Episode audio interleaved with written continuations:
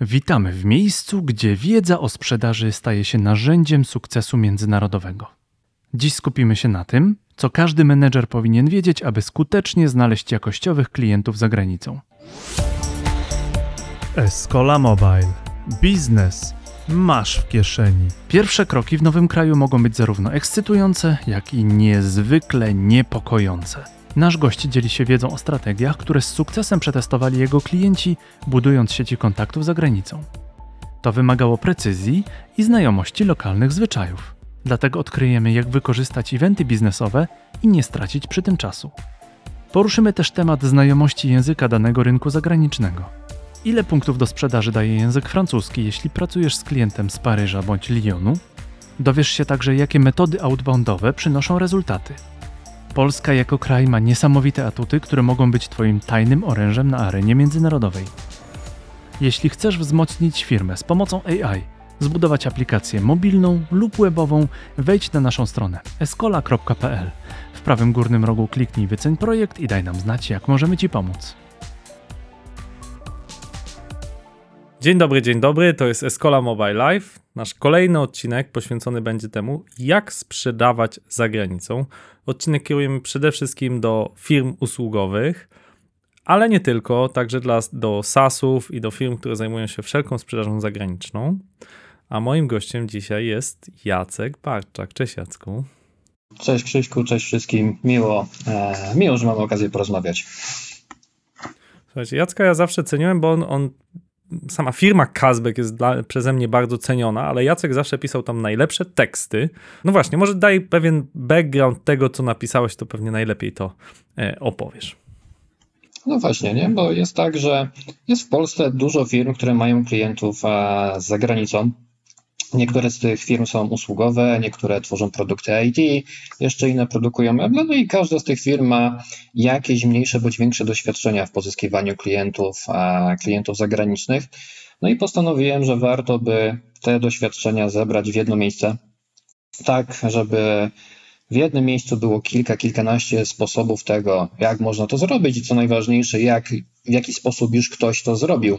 Tak, żeby to było potwierdzone przykładem jakiejś, e, jakiejś firmy, no i wszystko po to, żeby osoba, żeby właściwie firma, która zastanawia się, jak pozyskać pierwszych klientów e, spoza Polski, żeby mogła zobaczyć, w jaki sposób można to zrobić, no bo są w jednym miejscu przykłady tego, jak inne firmy to, to zrobiły, więc de facto o to chodziło w tym artykule, w tej publikacji.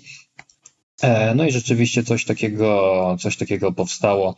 No i mam nadzieję, że teraz firmy e, z Polski mogą sobie z tego e, korzystać, no i przede wszystkim wdrażać w codzienną pracę. Mhm.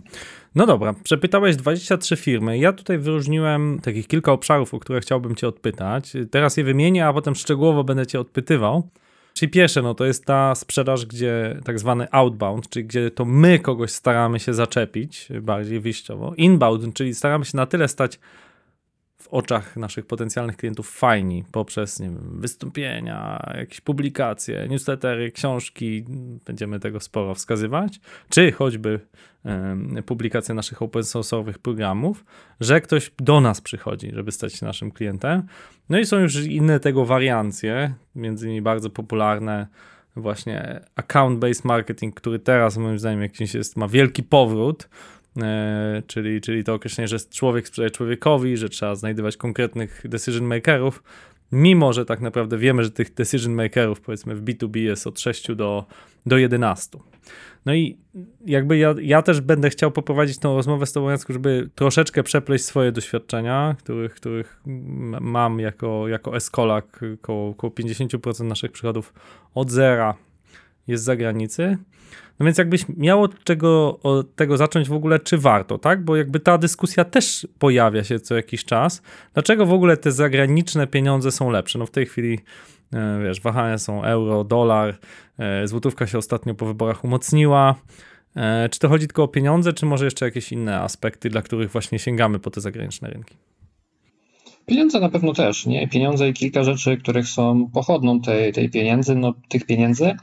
No bo na pewno jest tak, że jeżeli mamy przychody z jednego kraju, przypadku polskich firm, oczywiście w większości przypadków jest to Polska, no to jeżeli na przykład w tym kraju wystąpi inflacja, pogorszy się koniunktura gospodarcza albo z jakiegokolwiek powodu, czy to demografia przestanie sprzyjać, no bo zmniejszy się ilość ludzi w wieku produkcyjnym, czy też z jakiegokolwiek powodu firmy w tym kraju będą mieli, mia, miały gorsze wyniki, no to siłą rzeczy trudniej będzie nam się prowadziło e, naszą firmę, no bo potencjał klientów z tego kraju, w którym pracujemy, będzie, e, będzie mniejszy, więc to oznacza, że we wszystkich obszarach prowadzenia firmy będziemy, nasza poprzeczka trudności pójdzie trochę, trochę w górę.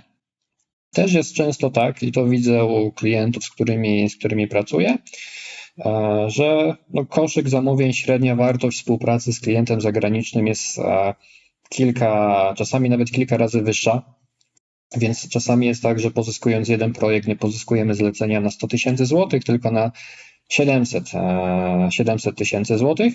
No a jak już mamy pierwszego klienta, czy to z Niemiec, Francji, Wielkiej Brytanii, z jakiegokolwiek kraju, no to jest duża, dużo większa szansa na to, że kolejni klienci z tego kraju nas, nas znajdą i znowu będziemy mniej zależni od klientów e, z jednego kraju, więc to, na ile firm, działania naszej firmy są eksponowane, po prostu będzie, e, będzie rosło. Więc ja bym powiedział, że z jednej strony pieniądze, a z drugiej strony dywersyfikacja wszelkiego rodzaju ryzyk, która z tego wynika. Okay. Dywersyfikacja, dywersyfikacja walut, dywersyfikacja jakichś tam dziedzin. No dobra, no to jestem szefem agencji marketingowej, software house'u czy produktu, odniosłem jakiś namacalny sukces w Polsce, nie wiem, pojawiło się pierwsze kilkadziesiąt tysięcy, czy sto kilkadziesiąt tysięcy, a może kilkaset tysięcy e, powtarzalnego e, przychodu. No i wpada mi do głowy ta myśl, dobra, mam tych dwóch, trzech, czterech klientów z Polski, czy w przypadku SASu to może być tam 50. No to od, od czego zacząć? Jakie są pierwsze kroki, jakie widzisz, które, które należy postawić? Pierwsze kroki są dwa. To, to, że są dwa, to nie oznacza, że one są proste i szybkie, no ale ja bym na pewno myślał w ten, w ten sposób. Po pierwsze, trzeba wiedzieć, w jaki sposób kupują nasi potencjalni zagraniczni klienci, w tym artykule, do którego nawiązywałeś na początku naszej rozmowy, jest tak, że były firmy, które rzeczywiście musiały wykonać dosyć sporo pracy, żeby pozyskać pierwsze zlecenia spoza Polski. Musiały robić wywiady pogłębione, żeby na tej podstawie e, stworzyć dobre treści outboundowe, potem dobrze wybrać kraj ekspansji zagranicznej, wysłać do tych e, do firm z tego kraju maile.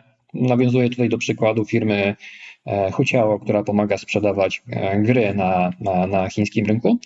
Więc na niektórych rynkach, w niektórych branżach jest tak, że no, w związku z wyjściem za granicę, w związku z pozyskaniem pierwszego klienta za granicę, poprzeczka idzie, poprzeczka trudności idzie w górę. Ale w niektórych firmach było na przykład tak, i tak jest z tego co widzę często na przykład w e, przypadku producentów mebli. Pracowałem z kilkoma i widzę, że co jakiś czas ten case się powtarza i tam chodzi o to, że mm, Polska w Europie słynie z tego, że jest producentem mebli, że u nas produkuje się dobre meble. No i jest tak, że są firmy poza Polską, które wpadają na pomysł, a może ja do swojej oferty dodam meble jakiegoś polskiego producenta. No ja znam kilka firm, które mają klientów zagranicznych e, i to sporo i mam na myśli przychód liczony w kilku, kilkunastu milionach złotych e, rocznie i ten przychód nie wynikał z tego, że firma robiła jakąś zaawansowaną strategię marketingową, roadmapę wdrożeń, zmian sprzedaży i marketingu. Po prostu jest tak, że akurat te firmy są na rynku, w którym jest e, troch, troszkę łatwiej. To nie znaczy, że, że łatwo. Więc to jest pierwsza rzecz czyli dowiedzieć się, wiedzieć w jaki sposób kupują nasi potencjalni zagraniczni klienci. No jak widzicie na podstawie tych dwóch przykładów rozbieżności mogą być ogromne. Czasami wystarczy pojechać na event, no a czasami trzeba będzie zrobić bardzo zaawansowaną i zniuansowaną strategię szeregu rzeczy, które trzeba będzie e, zrobić. Druga rzecz, którą bym zrobił, no to sprawdził, czy w bezpośrednim networku osób, które, mm, które znamy, które mieliśmy okazję poznać na przestrzeni naszej kariery zawodowej, jest ktoś, kto mógłby nam zrobić intro pierwszych potencjalnych klientów spoza Polski. I tutaj przykładów naprawdę było sporo, no bo na przykład są firmy, które pierwsze zlecenia spoza Polski pozyskały dlatego, że zostały polecone przez dotychczasowych klientów. Tak na przykład było w przypadku Software House'u Makimo, czy też e, firmy UX-owej e, Flying Bisons, Są też firmy, które pierwsze zlecenia pozyskały dlatego, że któryś z pracowników tej firmy miał już sieć kontaktów poza, po, poza Polską i jeżeli jakaś firma pomyślała o, o software house'ie, który mógłby im pomóc w misji ratunkowej, no to na przykład pomyślała o firmie Mente i Robercie Bocheńskim, który, e, który akurat też był uwzględniony w tym, e, w tym artykule. E, Więc, ten, więc o tym przykładzie mogę mówić. A czasami też jest tak, że tak na przykład robiła firma Hands to Band, również z Polski, że sprawdzała sobie na LinkedInie mm, poprzez swój net- network, do kogo moglibyśmy zostać poleceni, do jakich firm, do jakich osób w poszczególnych krajach możemy być poleceni. Następnie warto o takie intro poprosić i w ten sposób wchodzimy do pierwszej osoby z nowego rynku nie zupełnie na zimno, tylko dlatego, że polecił nas, intro nam zrobił Jan Kowalski, który jest wspólnym znajomym moim i, i jakiejś firmy z naszej grupy docelowej spoza, spoza Polski. Więc drugą rzeczą, którą bym zrobił, no to po prostu sprawdził potencjał szeroko rozumianego networku, który, który mam. Networku rozumianego jako firmy, z którymi już pracowaliśmy, osoby, które są u nas w firmie, osoby, z którymi kiedyś pracowaliśmy, czy też wszelacy znajomi z, ze studiów, Erasmusów, skądkolwiek de, de, de facto. Nie? Więc te dwa pierwsze kroki, no to dowiedzenie się, w jaki sposób kupują nasi potencjalni klienci spoza Polski, a drugi krok, no to sprawdzenie potencjału naszego, naszego networku. Mhm. No ten drugi sposób jest, e, bo często taki, że można go zastosować niemalże natychmiast. Ja sam pamiętam, że pierwsze kontakty zagraniczne dla Escoli. Sprawdzałem po ludziach, których poznałem na Erasmusie, po ludziach, których poznałem na stypendium w Stanach, jak byłem. I po prostu do nich napisałem po kurczę 10 latach, że ej, pamiętasz mnie, razem piliśmy piwko i byliśmy na dobrych melo, teraz widzę, że ty jesteś w jakimś tam agencji marketingowej w Szwecji, ja tutaj robię software house w Polsce, może moglibyśmy pogadać. I to jakby kosztuje zero czasu, większość osób jakby chętnie pogada. Nic z tego pewnie nie wyjdzie, no bo to jakby to jest, to, to, to często nie trafiałem, przynajmniej ja, w moment, kiedy te osoby czegoś by poszukiwały, no ale przynajmniej moment, czas dojścia do danego potencjalnego klienta zajmował właściwie zero, tak? To była jedna wiadomość na, na LinkedInie czy, czy na Facebooku. Więc to jest. Czasami jest jeszcze tak, że przepraszam, że ci wszedłem słowo, ale w podobny sposób jeden z moich klientów zrobił sobie intro do chyba ambasady polskiej we Francji, czy coś takiego. Ja przepraszam, nie znam się za bardzo na tych urzędowych instytucjach, no ale jak już udało się zrobić intro do tej ambasady, no to tam się przewijali jacyś przedsiębiorcy, no i może nie poprzez takie bezpośrednie polecenie, ale krok po kroku udało się jakieś pierwsze rozmowy z klientem z danej firmy wyciągnąć, nie? Więc no czasami po prostu trzeba się nachodzić i podejść do tego z otwartą głową. To, to jest dobry protip, bo tak jak mówisz, prawie wszystkie ambasady mają jakieś czy konsulaty, mają swoje izby handlu. Bardzo często zapraszają na takie eventy. Ja sam byłem wielokrotnie na coś takiego zapraszany. Mam tylko problem taki, że bardzo często tam po prostu jest bardzo mało wizytujących z danego kraju. No bo jak często my chcemy pójść do ambasady, nie wiem, Portugalii w Polsce, żeby poszukać kontaktów w Portugalii. Raczej wolimy wyjechać do danego kraju. Niemniej zdarza się, że ta izba handlowa faktycznie potrafi odpowiedzieć na te potrzeby, zna przedsiębiorców lokalnie i może, i może paradoksalnie bardzo nam pomóc, a to jest trochę ich obowiązek. No, z naszych podatków de facto to idzie, żeby te przedstawicielstwa utrzymywać i one w tej chwili, pamiętajmy, nie mamy wiz, nie mają wielu administracyjnych rzeczy, nie mają do roboty, więc mogą się akurat pomóc w kwestiach przedsiębiorczych. Wiele krajów naprawdę w ten sposób działa. Tak. No i też tutaj znowu kwestia tego, na jakim rynku działamy, no bo słyszałem o bardzo pomocnych ambasadach, izbach, które działają mniej więcej w taki sposób, o których mówisz. No, słyszałem też o takich, które, których pomoc sprowadziła się do tego, że wysłali linki do 10 firm z danej branży.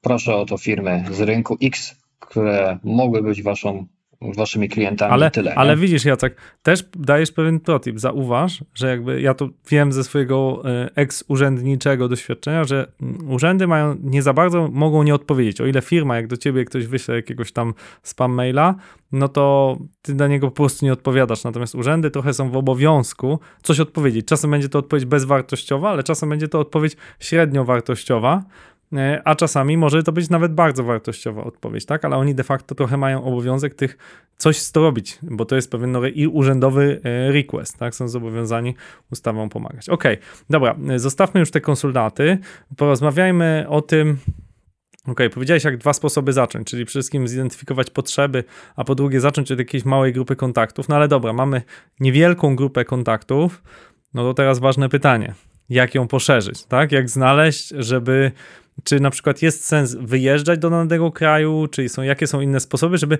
zaistnieć e, w innym kraju? Znaczy, sposobów jest, e, sposobów jest kilka, nie? No bo a, szczególnie w poprzednim roku e, wiele firm, z, z tego co widziałem, może nie z pierwszej ręki, no bo nie pracuję w tych firmach, tylko pracuję z tymi firmami, jeździło na, na eventy, na, na wszelkiego rodzaju targi, no i te firmy przywoziły e, sporo kontaktów, sporo lidów z tych targów, nie? Więc da się pojechać na odpowiedni event, e, żeby tam poznać e, E, Można, żeby to można było poznać naszą grupę docelową, zobaczyć jak te firmy myślą o współpracy z, z potencjalnymi dostawcami, czego od nich oczekują, poznać ludzi, poprosić o polecenie, e, poprosić o e, po prostu rozeznać się i i zdobyć, e, zdobyć pierwsze doświadczenia, pierwszą wiedzę o tym rynku.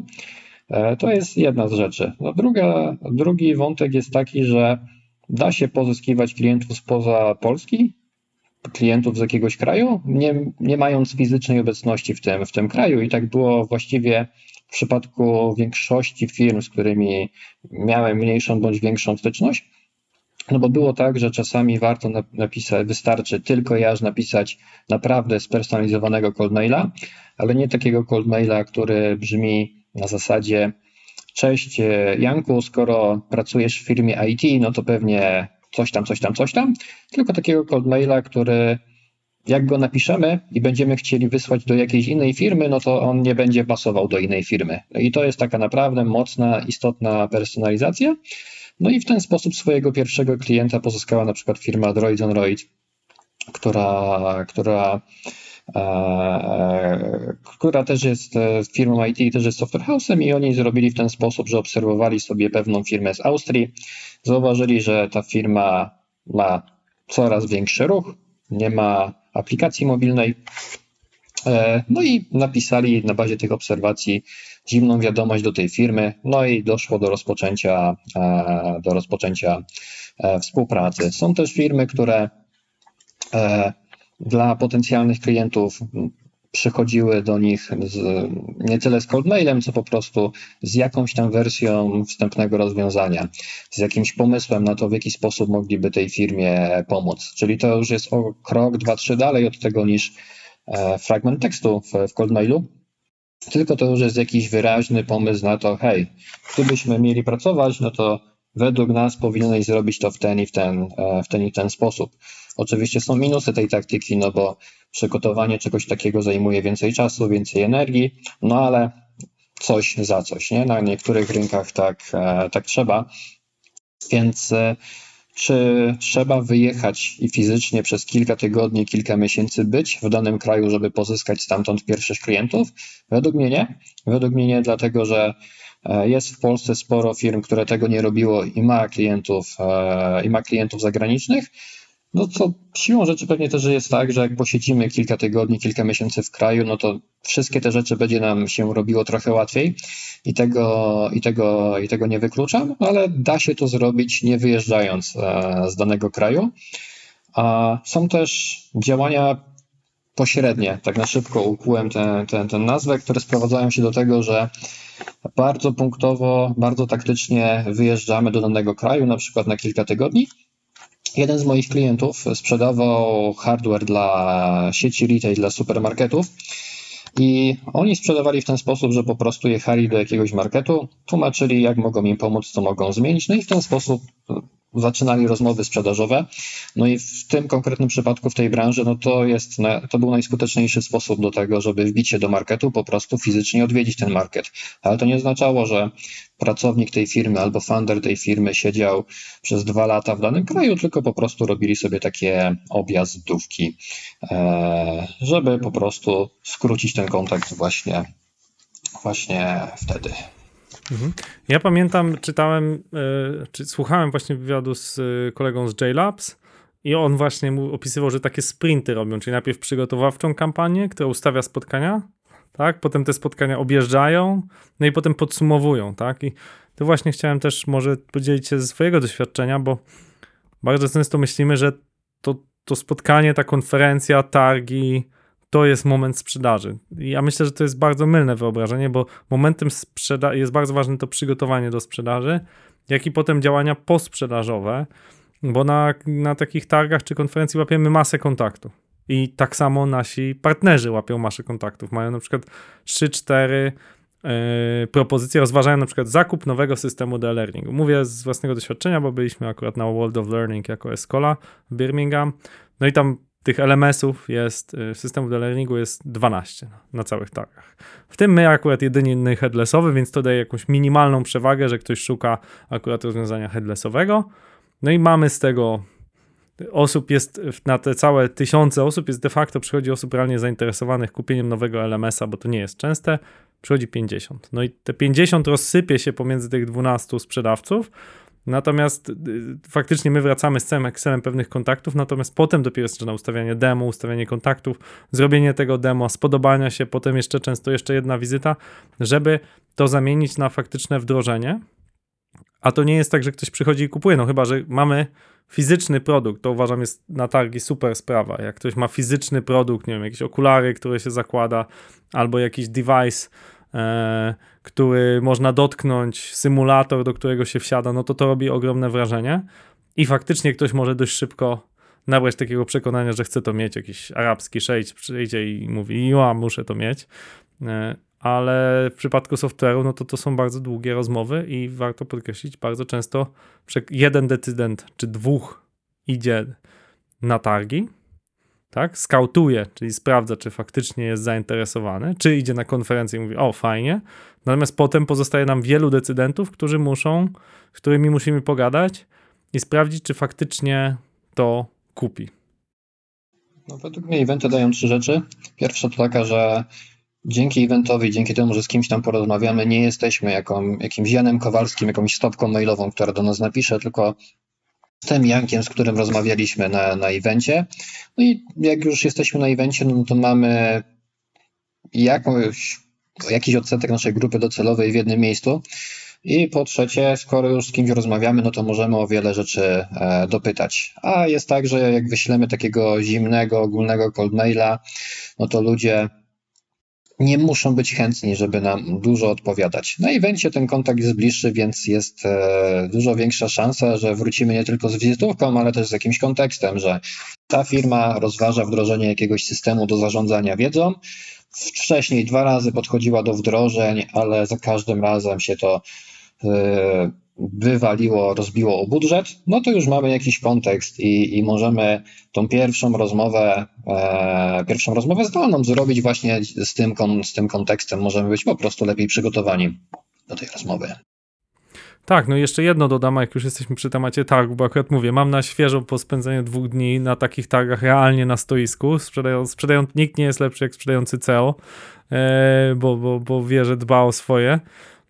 I tam miałem e, też takie odczucie, że to jest świetny sposób na taki market research, tak? To jest pomijana kwestia, że no żeby coś dobrze sprzedać, musimy mieć product market fit. Musimy wiedzieć, że ty naprawdę tego potrzebujesz. Jeżeli ja odbyłem tam dziennie kilkadziesiąt rozmów i widzę, jakie moje teksty, które sobie tam zmieniałem, bardziej rezonują z moim rozmówcą, a które zupełnie nie, no to czegoś się uczę. Druga rzecz, pytam, jakie potrzeby. Zawsze staram się ja zagadać, jak, dobra, czym się zajmujesz, czego potrzebujesz, czego szukasz, niż spróbować, wiesz, wepchnąć ten swój produkt, no bo wielu osobom nie ma sensu, po prostu szkoda mojego też czasu i energii, żeby komuś coś sprzedać, jak nie wiem, czy ona jest potencjalnym kupującym. Tak? Szczególnie, że tam można było tak wymieniać wizytówki, czy skanować te wizytówki, no to po co będę potem marnował swój czas i tej osoby, że i tak nigdy tego e, nie sprzedam. I wiem, ile czasu poświęcę tej osobie. Czy poświęcę zwykłą, krótką wymianę zdań, tak, e, minutową, czy będę za tą osobą, wiesz, chodził, następnego dnia zachęcał, żeby przyszła, że jeszcze coś ci pokażę, dam ci, nie wiem, więcej krówek z mojego stoiska, e, żebyś po prostu na pewno mnie zapamiętał, tak? Więc to jest e, bardzo istotne. Robię wywiad marketingowy, czego te osoby potrzebują, czego szukają, czy mój produkt odpowiada na te potrzeby, może mój produkt trzeba delikatnie zmodyfikować, czy jest za drogi, czy jest dla, za tani dla nich, czy jest zrozumiały, tak? Bo to jest też kwestia, że no, wydaje mi się, nasz duży błąd poznawczy jako sprzedawcy. Mówię nasz, bo ja też dużo sprzedaję w Escoli, że nie wiem, jak komuś mówię, ok, produkt tam e-learning headlessowy, no to dla mnie to jest oczywiste, bo obcuję z tym pojęciem od dłuższego czasu. Ale jak to wyjaśnić osobie, która wie, czym jest e-learning, ale w życiu nie słyszała o pojęciu headless? Jak to opowiedzieć w krótkim czasie, żeby ta osoba miała z tego wartość? No oczywiście, jeśli jestem firmą dojrzałą, to mogę oczywiście powiedzieć, no ośmiu moich klientów tutaj jest w Wielkiej Brytanii, nazwać ich, jeżeli są to rozpoznawalne marki, no to sprawa jest jasna. Gorzej, jeśli jestem w miarę nową firmą i w Wielkiej Brytanii mam jednego klienta. To i tak lepiej niż zero, ale mam w naszym przypadku jednego klienta w Wielkiej Brytanii. No i jak opowiedzieć, że, że faktycznie to ma też wartość, że warto się nauczyć tego nowego podejścia. Więc yy, mówię, podejście też takie, żeby z otwartą głową tam podejść, a nie tylko sprzedać, sprzedać i się nie zastanawiać, czy to w ogóle trafia w potrzeby e, moich rozmówców. Da się jeszcze zrobić jeszcze bardziej krok pośredni i to też widziałem firmy, które tak robiły. E, załóżmy, że, że mamy jakiś event w Barcelonie, na którym chcemy być, no i sobie szukamy na LinkedInie, w jakichś bazach, gdziekolwiek firm z Barcelony, piszemy do nich cold maila na zasadzie Cześć, e, na początku września wybieramy się do, do Barcelony. Chcemy tam poznać firmy, e, firmy, nie wiem, z branży healthcare. Zauważyłem, że wy w tej branży działacie i może i pomyślałem, że skoro już będziemy w Barcelonie, to może złapiemy się na szybką, na szybką kawę. I ten cold mail, którego teraz trochę kwadratowo zacytowałem, nie brzmi może jakieś, jakoś wyszukanie, no ale e, wiele razy widziałem przypadki, w których tego typu taktyki działały, że ten kontekst pod tytułem akurat będziemy w Twoim mieście przekonywał e, firmy, do których się pisało, żeby, żeby na to spotkanie się umówić. Więc najpierw można teoretycznie wybrać sobie miasto, wybrać event, napisać do ludzi, sprawdzić, czy tam będzie z kim rozmawiać. Jak będą, jak będzie, no to, no to wtedy rzeczywiście jedziemy i. To, co powiedziałeś, jest super pomysłem i działa naprawdę. Ja sam mogę powiedzieć, że na mnie działa. Mam takiego kolegę, z którym się jakoś regularnie spotyka, ale on do mnie dzwoni raz na rok i mówi: Jestem akurat we Wrocławiu, bądź tam spotyka w Google zawsze. I no, ciężko odmówić osobie, która przyjechała tam z Warszawy, jest akurat we Wrocławiu, no to wiadomo, że przejdziemy się na jakiś krótki spacer czy, czy szybką kawę. I tak jak mówisz, to może działać i w Barcelonie, i w Londynie. Ale jeszcze dopowiem do tego jedno, jak już mówimy o, o pozyskiwaniu klientów zagranicznych, bo też właśnie wczoraj wróciłem z Barcelony z innej konferencji i było tam około 200 przedsiębiorców i po konferencji wszyscy udostępniali swoje LinkedIny, tak, a wymieńmy się kontaktami. I dlaczego ja miałem pewną przewagę, zauważyłem? Bo ja zrobiłem to wcześniej, czyli zanim pojechałem na tą konferencję, zobaczyłem listę, która jest w jakichś aplikacjach eventowych, zawsze się pojawia, kto tam faktycznie będzie. Wpisywałem te imiona, nazwiska. Dobra, była trochę żmudna praca. Zapraszałem ich i większość z nich, y, widząc, że mam w opisie, że będę tam na tej konferencji, czy że jesteśmy z jednej organizacji, potwierdzała to zaproszenie. Ja wysłałem jakąś wiadomość zapoznawczą i miałem już dużą przewagę, że wiedziałem mniej więcej, kto to jest, kto zrobił, co mógł zrobić. Była to potężna praca, żeby 200 osób sprawdzić, ale wiedziałem, że z tymi 20 to ja mam duży sens porozmawiać, tak? Bo, no bo jeśli ktoś sprzedaje płoty e, w Niemczech totalnie analogowo, no to ja żadnego software'u na pewno ode mnie nie kupię, ani mnie nie będzie specjalnie ciekawiło w drugą stronę, co ta osoba robi. Ale jeśli ktoś zajmuje się konkretnie wytwarzaniem oprogramowania w Niemczech i widzę, że mógłby potencjalnie e, robić jakąś właśnie aplikację z Escolą, no to automatycznie jest duża zachęta, żeby porozmawiać z tą osobą, nawiązać bliższe kontakty. No i mam trzy bardzo intensywne dni, żeby to, e, to wykorzystać. Także wydaje mi się, że ludzie to super pomijają. Myślą, że przyjadą, z kimś wypiją tak tradycyjnie sprzedażowo wódkę, tam się po prostu super zaprzyjaźnią i, i będą robić deal. To Teraz wydaje mi się działa dużo bardziej analogowo, a ludzie coraz częściej piją bezalkoholowe e, piwa i nie da się już tak łatwo tego zrobić. A ci, co piją wódkę na ostro, to moim zdaniem zazwyczaj niestety niczego nie kupują w dzisiejszych czasach. No, pewnie zależy od eventu, pewnie zależy od, od, od branży. E, Kiedyś brałem udział w rekrutacji handlowca, w który z tego co mówił, w jego branży było dokładnie odwrotnie, ale też e, wydaje mi się, nie zdziwiło mnie to, że akurat o tej branży w ten sposób odpowiadał, więc znowu, nie, tutaj wracamy, wszystko od tego zależy, w jaki sposób kupują twoi klienci, nie? Powiedziałem, że będziemy rozmawiać o outboundzie, inboundzie i account-based marketing, takie trzy tematy. No to powiedz, jakie są takie metody właśnie z zagranicznego, które się sprawdziły twoim klientom e, w outboundzie, jak właśnie te, te, te zaczepki można robić, bo powiem słowo, że jak czyta się książki takie typu, typu taka klasyka Predictable Revenue, no to tam oczywiście, że to trzeba robić właśnie taki cold calling 2.0, on to wtedy nazywa, czy teraz cold, ale patrząc ile ja do tego dostaję i z wszystkimi, którzy rozmawiam, no to kurczę, ciężko jest dzisiaj kogoś na LinkedInie zaczepić, czy, czy na mailu, bo po prostu stało się to tak powszechne, więc czy nadal można to robić skutecznie? Znaczy tak, nadal e, można pozyskiwać klientów w ten sposób. Czy jest trudniej niż było 5 czy 7 lat temu? Tak, na pewno, e, na pewno jest, jest, jest trudniej. Kilka lat temu było tak, że gdy personalizowało się wiadomości do 300 odbiorców, no to ta personalizacja bardzo często wystarczała no i można było w ten sposób działać. Teraz jest tak, że trzeba działać na według mnie um, albo pisać jeszcze bardziej kontekstowe, kontekstowe treści. I tutaj czasami jest tak, że kontekst może pasować do kilkudziesięciu firm z danej branży, no bo na przykład w danej branży coś się wydarzyło, albo jakiś gracz w danej branży wypuścił nową wersję aplikacji, więc może jest tak, że jego konkurenci chcieliby wypuścić jakiś podobny feature w swoich aplikacjach albo w ogóle zrobić swoich, e, swoją wersję aplikacji. Więc da się wiadomości spersonalizować do kilkudziesięciu, kilkudziesięciu firm, no ale w wielu przypadkach jest tak, że te wiadomości trzeba personalizować raczej do jednej firmy, do, do jednej osoby w tej, w tej, w, tej, w tej firmie. I ten przykład, o którym, który chyba też już się przewinął przez naszą rozmowę, czyli przykład tego, jak Droids on Roids napisało do pewnej firmy z Austrii, dlatego że obserwowali sobie, co ta firma robi, zauważyli, że nie mają aplikacji mobilnej, że tam rośnie im, im, im ruch, no to to była właśnie taka personalizacja i to wiązało się z określoną pracą poświęconą e, jednej konkretnej, jednej konkretnej firmie.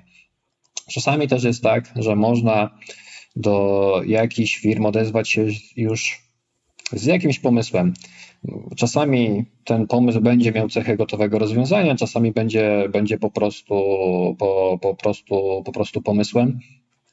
E, I w ten sposób, i w ten sposób e, z te, takiego maila będzie przede wszystkim wynikało to, że to nie jest templatka copy wklej, którą otrzymało wiele firm z mojej branży, wielu moich konkurentów, tylko to widać po tej templatce, że ona że to była wiadomość pisana, e, pisana tylko, tylko do mnie. Nie? I tak na przykład firma Tonik e, z Poznania, ona do części firm, do części klientów spoza Polski odzywała się właśnie w ten sposób, że już coś im proponowali.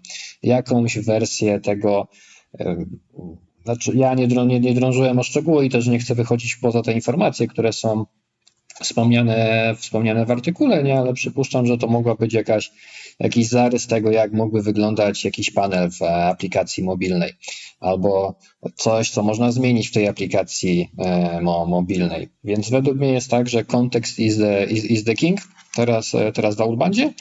E, no i jak trafimy na dobry kontekst, no to i mamy i personalizację, i ta wiadomość jest wystarczająco istotna, żeby, żeby przykuć uwagę naszego mhm. przyszłego klienta. No. No, wspomniałeś właśnie, że można lecieć kategoriami, to znaczy, jak pamiętam kiedyś dosyć udaną naszą kampanię, że robiliśmy y, aplikację dla galerii, no i przygotowaliśmy po prostu templatki, jak to może wyglądać, włącznie z wizualizacjami, no i galerii w tam w Polsce czy w każdym kraju jest tam małe kilkaset. No i po prostu lecisz, tak? Łatwo znaleźć dane, oczywiście no tam responsywność jakaś jest, no ale już wysyłam coś, znaczy tak może wyglądać twoja aplikacja, tam droga galerii dominikańska, jest zupełnie inny zwrot niż e, cześć, mamy fajnych y, flaterowców, którzy mogą zrobić twoją aplikację, jak nam powiesz, jak ma wyglądać. Nie? To też zauważyłem, że tak, tak wspomniałeś, tak? Gotowy, półgotowy produkt, a potem jechanie wertykalami jakimiś, daje już potężny ten. Ale to, to tak naprawdę ta metoda sprawdza się i w Polsce i za granicą. Ona nie jest unikalna dla zagranicy, więc zapytam cię o zagraniczny konkretnie kontekst. Znam sporo firm, które nieźle radzą sobie na rynku niemieckim na przykład. E, nie szukając daleko, nie wiem, VM, Hycron, mi przychodzą do głowy Spyrosoft, ale znam bardzo mało firm, które radzą sobie dobrze na rynku francuskim. I zastanawiam się, czy to nie wynika z tego, że jednak ważna jest znajomość języka, to po pierwsze, e, jakichś tam kontekstów kulturowych, a dwa, jednak jeżdżenie do tych klientów. I jak rozmawiałem czy na Sodzie, czy na IT Corner, to zupełnie inny jest klient niemiecki amerykański. Ten, do tego niemieckiego się jedzie w koszuli, czasami nawet pod krawatem i w marynarce, no bo tak kupuje tradycyjny biznes e, niemiecki, no a w Stanach Zjednoczonych no to wygląda zupełnie inaczej. Tak? Więc jakbyś mógł skomentować te, te konteksty językowe, czy one mają znaczenie, czy da się polskiej firmie, która nie ma osób natywnie fran frankojęzycznych, frankofońskich, czy jest w stanie pozyskać takiego klienta, no właśnie, angielskim albo Google Translate'em? Według mnie odpowiedź ma pewnie kilka odcieni szarości, no bo przypuszczam, że ta odpowiedź będzie brzmiała tak. Pytanie, na ile to będzie skuteczne i czy nieskutecznie byłoby to robić po francusku, włosku i tak dalej, i tak dalej. Też pamiętam, że to będzie przykład anegdotyczny.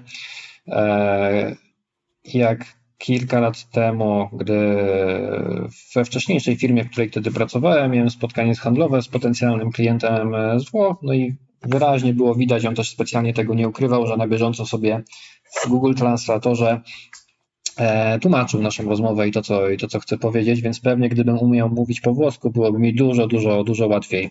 Więc to tak, na pewno jest tak, że język, cechy kulturowe e, mają znaczenie, jeżeli te, te rzeczy mamy, jeżeli potrafimy je wykorzystać, no to, to gra na naszą korzyść. Tylko ja się zawsze zastanawiam, czy to daje nam plus 50 punktów do tego, żeby takiego klienta pozyskać, czy plus 2 punkty, nie? I na to pytanie już nie mam takiej jednoznacznej, odpo- jednoznacznej przekrojowej odpowiedzi, że E, na przykład na rynku software house'ów i tych software house'ów, które chcą wejść do Francji, język bym wycenił na 37 punktów. Nie, pojęcia nie mam, nie? Jak, to, jak, jak, jak, to, jak to wycenić. Ja bym się raczej skupiał na kontekście biznesowym i tym szeregu rzeczy, które które są w naszej kontroli. Nie? No bo... ja, ja, to nazywam zasadę każdemu działa to, co działa. To znaczy dużo osób mnie pyta na przykład, czy podcasty są dobrą metodą e, pozyskiwania klientów.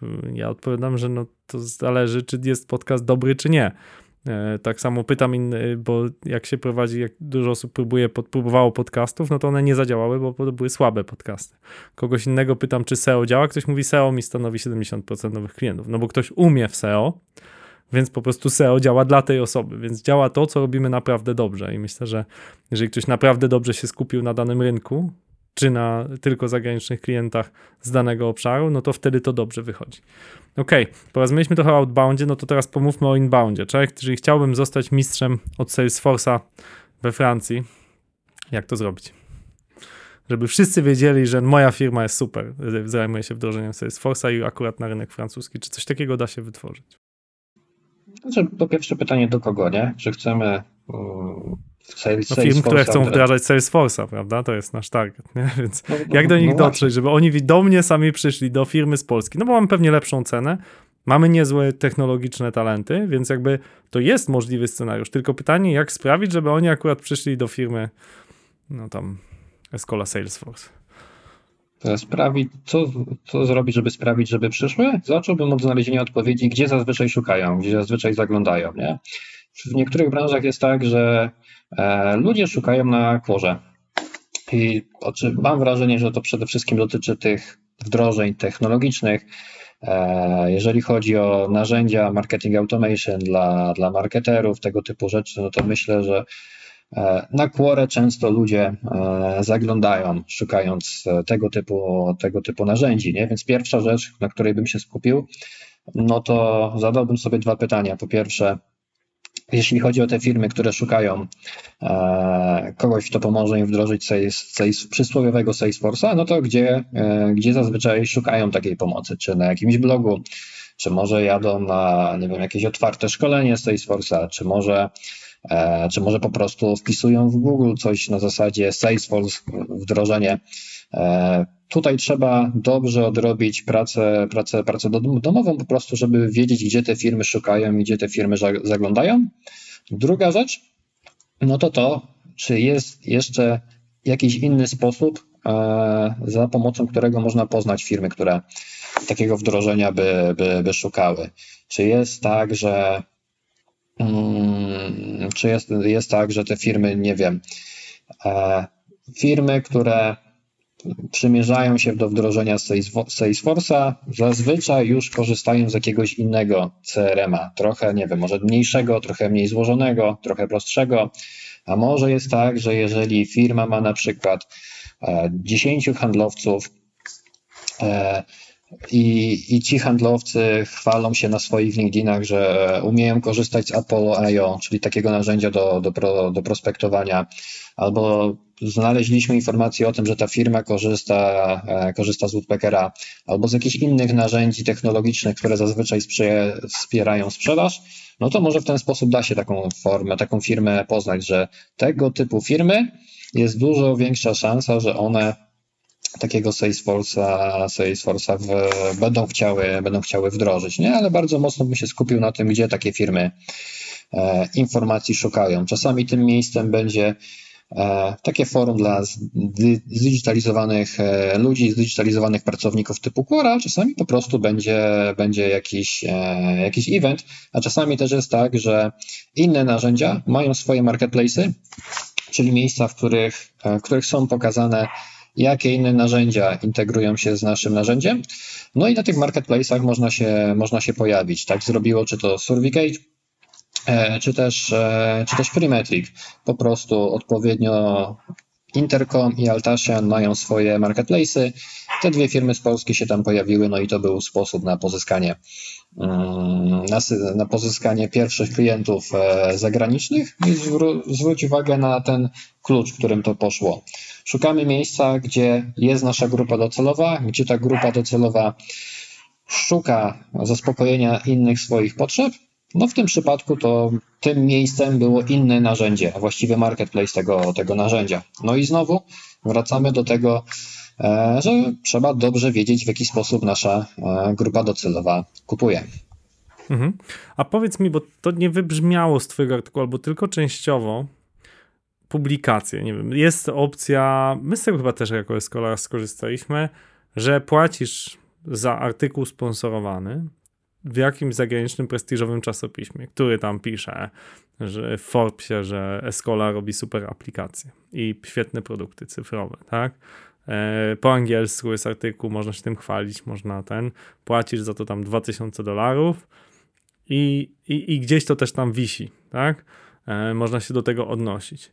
No i powiedz, czy two, coś takiego Twoim zdaniem ma sens? No bo to jest oczywiście dość drogie z naszej perspektywy, no ale znacznie tańsze niż tam bycie na jeżdżenie na konferencje, spotykanie się i tak dalej. Czy spotkałeś się z tym, że jest to skuteczne dla kogoś?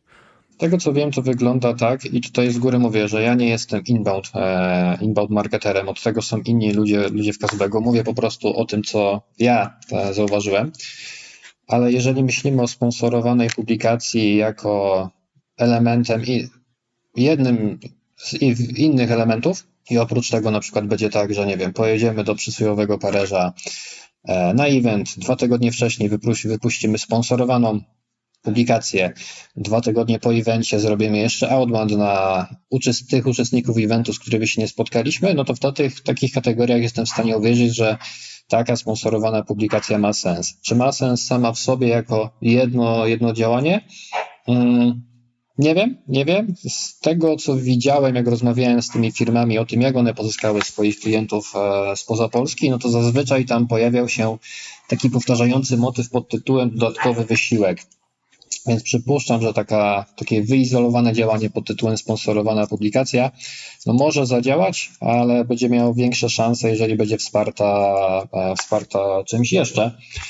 A ja tak co jakiś czas nawiązuję do tego, do tego artykułu i przykładów, które się tam po, pojawiają, ale przyznam, że jednym z przykładów, który najbardziej mnie zainteresował i nie było kiedy tego, tego podrążyć, no to był przykład firmy, firmy Escola. I tego, jak wy to zrobiliście, bo tam wspomniałeś o tym, że po prostu pozyskaliście firmy, które już miały klientów, e, klientów za, zagranicznych, więc myślę, że to może być mega ciekawe i warto, żebyśmy to, to podrążyli. Mhm. No to chyba nie, nie my jedyni, e, bo wydaje mi się, że to też jest w strategii choćby Spyrosoft, że oni kupują jakieś zagraniczne podmioty, bo ja akurat uważam i im więcej jeżdżę, tym mam silniejsze przekonanie, że Niemcy chętniej kupują od Niemców, Duńczycy od Duńczyków, Francuzi od Francuzów. Chętniej, to nie znaczy, że nie kupią od Polaków. Oczywiście, że kupią, szczególnie jeśli damy świetną cenę i pokażemy świetną jakość i że w tej technologii jesteśmy po prostu bardzo dobrzy. Ale tak naprawdę to odwróćmy teraz ten paradygmat od tego, od kogo my chętnie kupimy. Przecież na pewno do Was jako firm się zgłasza masa jakichś dostawców, poddostawców z Ukrainy, z Rumunii, z Bułgarii, którzy są pewnie tańsi. Już nie mówię tam o Maroko i, Chin, i Hindusach, tak? No więc jakby mamy pewien sceptycyzm, boimy się jakby różnic kulturowych, językowych i tak dalej. No i i, I, dla nas akurat no to, to, to zakup Kunabu, to, który do dzisiaj uważam za jeden z takich przełomowych w historii naszej, no oni mieli 100% klientów i to głównie ze Skandynawii i Anglii, chyba wszyscy Skandynawia i Anglia, no to był, to był strzał w dziesiątkę, bo to nie tylko chodziło o tych klientów, ale też pewne zrozumienie, jak, jak działać na tych rynkach, tak? E, I do dzisiaj jakby tę współpracę kontynuujemy.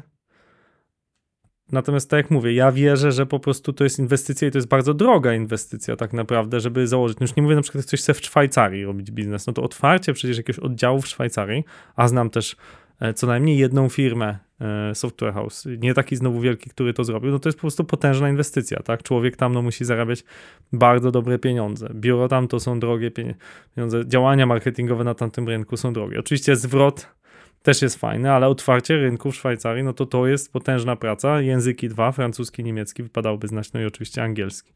Więc e, kupno firmy, moim zdaniem, to jest niezły pomysł. Mieliśmy też rozmowę z funduszem, teraz, e, do, do dzisiaj pamiętam, bardzo się długo wahałem nad tym, żeby kupić firmę mm, w Portugalii z dużą ekspozycją na tamten rynek, który też jest ciekawy, jest dosyć technologiczny i, i, e, i żeby Escola przejęła tamten, tamtą firmę fundusz dawał też na to częściowo jakby dłużne pieniądze, no i żeby po prostu w ten sposób skalować rynek. No dla nas ta transakcja była za duża wtedy, w sensie ja nie wierzyłem, że jesteśmy w stanie uciągnąć skalę tej transakcji, ale kto wie, może to była stracona szansa, więc ja uważam akurat no, dla Escoli w ogóle kupowanie innych mniejszych podmiotów było bardzo udaną strategią i tak jak mówię, no za granicą ona e, też pomogła, bo nie wszystkie firmy, które kupiliśmy miały aż taką ekspozycję jak to wspomniane e, Kunabu.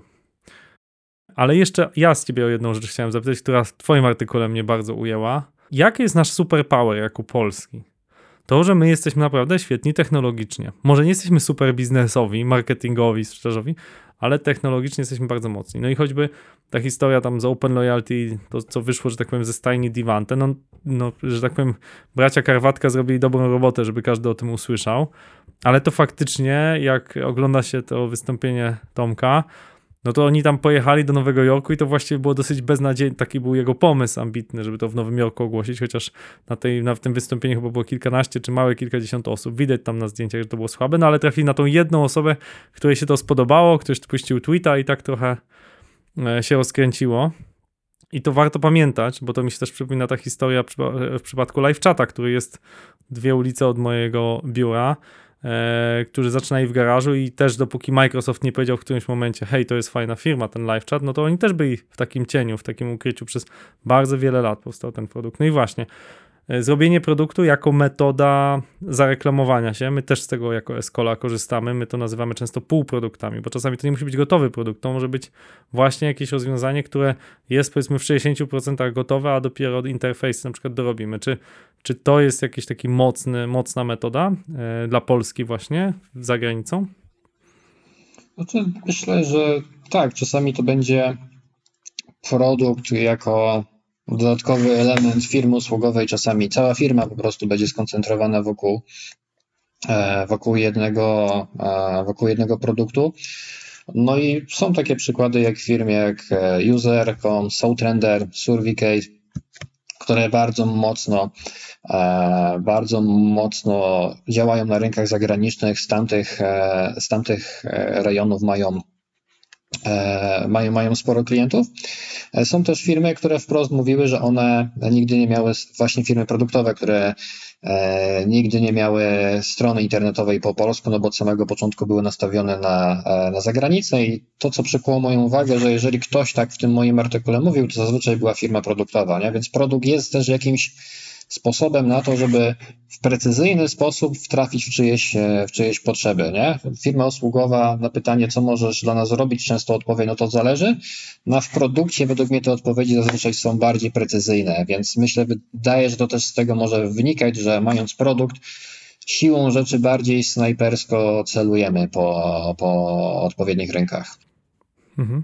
Jacku, po tym jak dzisiaj opowiadałeś w Escola Mobile, mam jedno mocne przekonanie, że dzisiejszy marketing i sprzedaż właśnie polegają na snajperskich działaniach. Czy to w outboundzie, kiedy mamy napisać, ładnie to zdefiniowałeś, wiadomość, która może być napisana tylko do tej osoby, albo tylko do kilku firm. Nie, cześć Jacek, mamy fajne usługi IT, tylko cześć Jacek, widzę, że lubisz nosić koszulki w, z motywami małpki, czarne i w ogóle korzystasz z takich a takich kremów do brody, więc ja akurat mam jeszcze lepszy krem niż ten, z którego korzystasz, tak? I to, to jest wiadomość, która mogła być tylko do ciebie, nie? Więc to jest outbound. W inbound to samo. Jeśli chcemy być bardzo precyzyjni, to musimy pokazać się, że na tym super niszy jesteśmy tylko my. Nie wiem, tak jak Escola chce uchodzić za jedną z najlepszych producentów mobilnych aplikacji dla edukacji, no to jest już taka nisza, w której działa kilkadziesiąt firm na świecie i możemy pokazać, ok, zrobiliśmy taką, taką, taką, taką aplikację, rozprzestrzeniać to jak najszerzej po określonych rynkach i czekać, aż ktoś przyjdzie i powie, o, ja właśnie potrzebuję aplikację mobilną dla edukacji. Ci goście zrobili dużo podobnych realizacji. Tak? Więc to jest, y, tak, tak y, się powtarza, laser focus, koncentracja i to zarówno też w account-based marketingu, czy myślimy o firmie, czy myślimy o człowieku, to zawsze się pojawia ta, to szukanie niszy, gdzie faktycznie możemy być wyjątkowo, ponadprzeciętnie e, dobrze. A dobór narzędzi, no to już jest zależy, co kto lubi. Dla jednego to będą wystąpienia na konferencję, dla innego targi, dla trzeciego całkowicie działania internetowe. Tak bym to chyba podsumował. A słuchajcie, Was zapraszam, żebyście przeczytali ten artykuł. My go tam, gdzie teraz e, jesteśmy w komentarzach, wrzucamy, jeśli jeszcze tego nie zrobiliśmy. Przeczytajcie, dla mnie to było super inspirujące. Dzięki Jacku, że podzieliłeś się e, swoją wiedzą w Escola Mobile. Dziękuję za zaproszenie, fajnie się rozmawiało, no i mam nadzieję, że e, wszystkim łatwiej, troszkę łatwiej będzie pozyskiwać klientów spoza Polski. Powodzenia przede wszystkim. Escola Mobile. Biznes masz w kieszeni. Dziękujemy za Twój czas i za to, że spędziłeś go z nami. Jeśli ten podcast dał Ci coś nowego, zyskałeś, zyskałaś wiedzę, która wynikała z tej rozmowy, prosimy udostępnij ten podcast na LinkedInie, X, Facebooku albo opowiedz o nim swoim znajomym. Być może w Twoim otoczeniu są osoby, które potrzebują wiedzy, jak sprzedawać za granicą. Jeśli używasz ekosystemu Apple albo Spotify, bardzo prosimy daj nam 5 gwiazdek i fajną ocenę. Im więcej takich ocen, tym częściej algorytm to widzi i tym częściej rekomenduje nasz podcast nowym słuchaczom. Właśnie dzięki Twoim ocenom i gwiazdkom jesteśmy w stanie dzielić się wiedzą, bo Escola to po portugalsku szkoła. To był 162 odcinek podcastu Escola Mobile. Naszym gościem był Jacek Bartczak z Kazbega. Rozmawialiśmy o sprzedaży zagranicznej. Do usłyszenia.